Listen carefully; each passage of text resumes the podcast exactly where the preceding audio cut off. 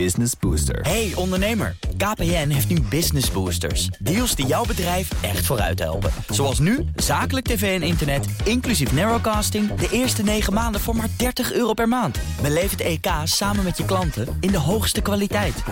Kijk op kpn.com slash businessbooster. Business Booster. Goedemiddag. Ja, goedemiddag. Ja, onze microfoons die deden even niet. We, we, we, riepen naar u, maar u was er niet. Maar nu bent u er wel. Uh, het is uh, vier minuten over half vijf. Dit is inderdaad BNR in de middag. En wij praten met Ernst Kuipers. En hij is van het landelijk netwerk Acute Zorg. En natuurlijk kent u hem ook als de baas van het Erasmus Medisch Centrum. Dag meneer Kuipers. Goedemiddag. Goedemiddag. Laten we even meteen naar het laatste nieuws gaan. Uh, de EMA, Europese Medicijnautoriteit, heeft gezegd... de voordelen van het AstraZeneca-vaccin wegen zwaarder... dan de zeer zeldzame bijwerkingen. Er is dus wel een verband, maar het is allemaal zeer zeldzaam. Blij mee? Ja, absoluut. Kijk, het is voor iedereen duidelijk dat vaccineren het allerbelangrijkste is wat we nu moeten doen. En uh, ja, daarbij kunnen we eigenlijk geen enkel vaccin missen. Uh, ook dat van AstraZeneca niet. Ja. Concludeert u dan ook dat Hugo de Jonge uh, voor het weekend een gigantische fout heeft gemaakt? Nee, kijk, wat er gevraagd is, is een, is een advies. En we zijn gelukkig dat we dat advies heel snel hebben gekregen. Wat we nu aanvullend nog moeten hebben, dat, en dat moet morgen komen, is een advies van de Gezondheidsraad hierover. Uh, ja, en wat dan nodig is, is dat vervolgens het vaccinatieprogramma ook met AstraZeneca zo snel mogelijk weer wordt opgestart. Goed, je had ook gewoon kunnen stoppen, even kunnen wachten op dat de EMA dit naar voren brengt. Want nu zijn uh, afspraken weer afgezegd. Uh, de, de mensen gaan hier natuurlijk onzeker over worden. Ja, is het nou wel wat of niet wat? Het wordt gestopt en weer gestart. Zeker. Uh, het, dit is natuurlijk rampzalig, toch? Je maakt het probleem alleen maar groter. Ja, het probleem is er, en het is natuurlijk niet de eerste keer dat er met AstraZeneca al iets gebeurt. Het is eerder een keer gestopt geweest en ook tijdens die studie voor registratie was er wat gedoe. Klopt die studie nou wel en er moest een stukje over. Dat leidt uh, tot onrust, dat merk ik ook. Ik krijg er veel vragen over. Ik denk dat het belangrijk is dat de EMA zich nu zo uitspreekt. En nog een keer heel duidelijk herhaalt dat de voordelen echt veel groter zijn dan de nadelen. Ja. En dat de kans op zo'n ernstige complicatie, op het moment dat het gebeurt, is dat dramatisch. Maar de kans echt heel erg klein is. Ja, maar baalt u dan niet dat we het toch in Nederland hebben stopgezet en dat je daarmee het wantrouwen voedt? Ja, ik weet niet of het wantrouwen anders geweest was als het niet stopt. Dit is natuurlijk een ongecontroleerd experiment. Hè. Op het moment dat je het niet stopt, maar de verhalen er wel zijn, en dat horen we, dan, dan voedt dat ook het wantrouwen. Is aan alle kanten, kun je het wat dat betreft dus eigenlijk niet goed doen.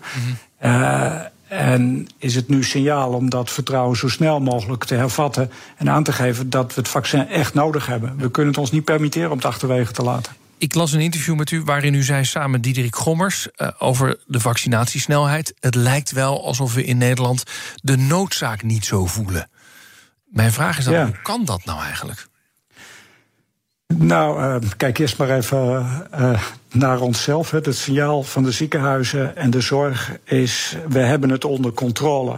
Um, dat is prettig, maar we hebben het onder controle wil niet zeggen dat het niet heel erg druk is. Uh, u hebt zo net in de inleiding werd al even, of in het journaal werd al even de aantallen uh, patiënten genoemd. We praten op dit moment over mogelijke versoepeling van maatregelen, terwijl het aantal patiënten in de ziekenhuizen weer richting dat gaat wat we als hoogste hebben gehad in de hele tweede golf. Dat was in januari. Daar zitten we nog niet, maar, oh, tenminste totaal niet, maar qua IC-patiënten zitten we er alweer overheen. Dus één. Um, Misschien geven we niet helemaal het heldere geluid. Uh, we, we hebben, geven het geluid af van we hebben het onder controle. Dat is ook zo. Maar we moeten daarbij vertellen, het is ongelooflijk druk. Ik hoorde dat vanmiddag ik weer overleg gehad landelijk met alle collega's van de verschillende acute zorgregio's. En dit is wat overal gezegd wordt. Dus dat is, dat is één. Maar denkt u dus dat doordat u de, de noodzaak misschien niet voldoende communiceert, denkt u dat we daarom ook met het vaccineren te weinig haast maken? Um, dat, zou, dat zou kunnen. Uh, en ja, wat we daarbij natuurlijk gezegd hebben, is de grootste impact als het gaat om vermindering van het aantal patiënten wat zich meldt voor uh, zorg, voor hulp, bijvoorbeeld aan de ziekenhuizen, op een spoedeisende hulp. Dan heeft, hebben we ondertussen uit Engeland gezien, de eerste vaccinatie uh, al het grootste effect. De eerste klap is wat dat betreft een daalde wat. Dat tweede vaccin moet je echt geven op enig moment, maar dat kan ook later. Dus een aanvullend pleidooi wat wij al gaven een tijdje is, concentreer voor nu echt even bij beperking beperkte hoeveelheid vaccins op die eerste vaccinatie. Ja, ook daarvoor uh, gaat hopelijk de Gezondheidsraad morgen een uitspraak doen. En ik ben erg benieuwd. Maar ik hoop erg dat het advies is voor nu even eerste vaccinatie alleen en tweede vaccin later. En, en eh, de versoepelingen, want daar wordt dus nu op alle mogelijke manieren over gesproken. Terwijl het in de ziekenhuizen druk is, drukker wordt. Bent u bang dat we nog een keer te maken gaan krijgen met die gevreesde code zwart? Waarin je moet kiezen wie je kan helpen of niet? Of is dat helemaal van de baan? Nee, helemaal van de baan zeker niet. Voor nu is de ontwikkeling al lange tijd uh, vrij uh, stabiel omhoog. Dat wil niet zeggen, het gaat echt omhoog. En de piek is nog waarschijnlijk niet bereikt. Is moeilijk te voorspellen wanneer die precies komt. Maar er is gewoon een ontwikkeling die eigenlijk al lang past bij een voorspelling.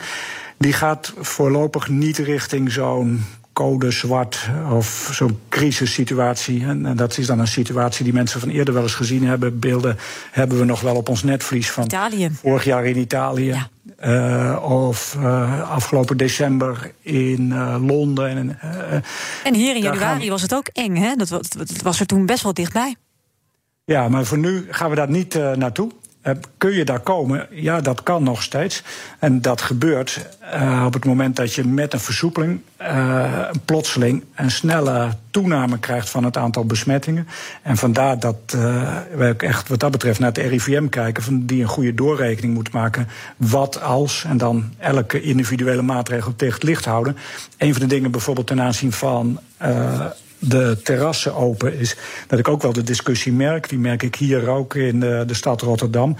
Dat het een inschatting is dat het mogelijkerwijs lukt om dan te zorgen voor een betere naleving en een betere handhaving. dan wanneer de terrassen dicht zijn, maar iedereen bij mooi weer het park opzoekt. Mm -hmm. Nog dus even is altijd een beetje een afweging. Snap ik. Nog even naar die IC-capaciteit. Want we zitten boven de ja. 750 mensen die op de uh, IC's terecht zijn gekomen. Hoe ja. zit het eigenlijk met discussies bij u in het ziekenhuis... waarin specialisten zeggen... ja, ik had ook iemand als hartklep kunnen opereren... Uh, ja. maar dat kan nu niet. En uh, nu is die patiënt met die hartkleppen er eigenlijk slechter aan toe... of misschien al zelfs overleden... omdat we zoveel IC-patiënten hebben. Ja, Um, dat is een discussie, dus belangrijk dank dat u het vraagt. Want dit is de afweging die we nu continu al maandenlang maken. We hebben het uh, over uh, een tweede of eventueel een derde golf. Wat we gemakkelijk vergeten is dat vanaf alweer september uh, continu iedere dag grote aantallen COVID-patiënten. Weliswaar met een beetje fluctuatie. En dat noemen we dan een tweede golf of een derde golf. Maar we zijn nooit naar een normaal niveau teruggegaan. En dat betekent dat het iedere dag puzzelen is in ieder ziekenhuis. Welke patiënt kan gepland worden voor een operatie, voor een andere opname. Maar gebeurt het ook wel eens dat u, dat u inderdaad mensen zegt... nou ja, is het heel dringend? Nee, nog niet. Stel nog maar een week uit. En dat u dan gebeld wordt, nou, het hoeft niet meer. De patiënt is toch al overleden. Nee, dat gebeurt niet. Uh, althans, ik word er niet over gebeld. Uh, en dat gebeurt niet. Wat we naar streven is gewoon nog steeds overeind houden... dat alles wat acuut moet, dat dat acuut gebeurt. Of iemand binnenkomt met een ongeval of complicatie bij een zwangerschap, of vult u de voorbeelden maar in. Uh, wat we ook doen is het overeind houden van wat wij noemen de urgente planbare zorgen. Dus dingen die binnen zes weken moeten gebeuren. Uh, voorbeelden daarvan noemde u zelf zojuist. Of bijvoorbeeld een behandeling voor een patiënt die net gediagnosticeerd is met kanker.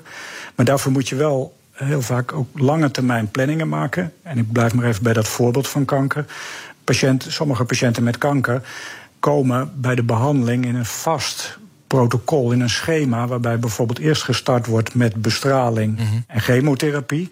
En dan op het moment dat dat klaar is, direct aansluitend geopereerd moeten worden. Dus op het moment dat je dan bij wijze van spreken vandaag begint met de behandeling, weet je al wanneer de operatie plaats moet vinden. En, en loopt dat nu ook gevaar bij dat soort mensen, of is, valt dat wel mee? Nee, nee, nog niet. Maar dat is de reden dat wij van die, van die voorspellingen vooruit maken. En dat is ook de reden dat ik gisteren wat reageerde op het moment dat. Uh, er erg wisselende predicties komen. Het ene moment van goh, we gaan naar code zwart. En het volgende moment uh, het ziet er allemaal heel gunstig uit en we hebben bijna de piek bereikt. Dat is voor ziekenhuizen heel moeilijk. Daar kunnen wij niet op plannen. Um, u luistert naar BNR in de middag. Uh, wij praten nog even door met Ernst Kuipers van het Landelijk Netwerk Acute Zorg. Uh, de vraag is natuurlijk, wij gaan hier ooit lessen uittrekken. En stiekem heeft u natuurlijk ergens een schriftje. Ja, dat hoop ik. Hè? En stiekem heeft u natuurlijk al een schriftje van ja, als ik ooit ondervraagd ga worden door een of andere commissie, dan zijn dit mijn antwoorden. Wat staat er uh, op nummer 1 in dat schriftje? Oh, ik, ik heb ze nog niet gerenkt. Maar er staan allemaal dingen in het schriftje. Maar, maar één die er zeker in staat, als ik maar even naar mezelf kijk. Want het is altijd goed om bij jezelf te beginnen. Ja. Um, is eh, hoe hebben wij het ooit kunnen laten gebeuren dat we vorig jaar in de eerste golf, al heel vroeg in de eerste golf, een tekort hadden aan allerlei beschermingsmiddelen? Uh, mondkapjes is bij wijze van spreken bijna het meest onbenullige item wat op de bestellijst staat in het ziekenhuis. Dingen van een cent. Uh, en toch hadden we heel vroeg hadden we daar een groot tekort aan. En heel Nederland had het over mondkapjes en over handschoenen. Ja, dat was eigenlijk richting de zorg voor onszelf wel een beetje beschamend. Uh, hoe hebben we dat nou kunnen laten gebeuren? Ja. Dus één belangrijke les is, hoe zorgen we nou voor dat dat anders is? En ziekenhuizen en zorgpartijen in Nederland zijn traditioneel gewoon zo ingesteld... het is ieder voor zich. Dat, uh, het, zo hebben wij dat ingericht. Uh, om allerlei redenen dat is de vraag natuurlijk of dat in de toekomst ook door moet. Want ik, ik heb wel moet je niet meer zo doen, nee. nee, nee. maar dat, volgens mij is dat op meerdere facetten van de coronacrisis uh, op dit moment van toepassing. Nou, een andere belangrijke uh, les die ik interessant vind is hoe zorg je nou dat je uh, informatiepositie, hè, van ontwikkeling van, van uh, dingen, beschikbare capaciteit, uh, predictie, zo, hoe breng je dat zo goed mogelijk bij elkaar in plaats van bij een hele hoop losse instanties? Ja. En nog een hele andere belangrijke is: wat hebben we nou straks aan zorgcapaciteit nodig? Want we hebben hier gewoon echt te maken nu met een nieuwe ziekte. Die kenden we een jaar geleden, uh, anderhalf jaar geleden niet. Die gaat ondanks vaccineren niet meer weg. En daar zullen we ook blijvend dus capaciteit voor overeind moeten houden. Ernst Kuipers, uh, dank, voorzitter van het Landelijk Netwerk Acute Zorg en uh, de baas van het Erasmus Medisch Centrum. Hardlopen, dat is goed voor je. En Nationale Nederlanden helpt je daar graag bij. Bijvoorbeeld met onze digitale NN Running Coach... die antwoord geeft op al je hardloopvragen. Dus, kom ook in beweging. Onze support heb je. Kijk op nn.nl slash hardlopen.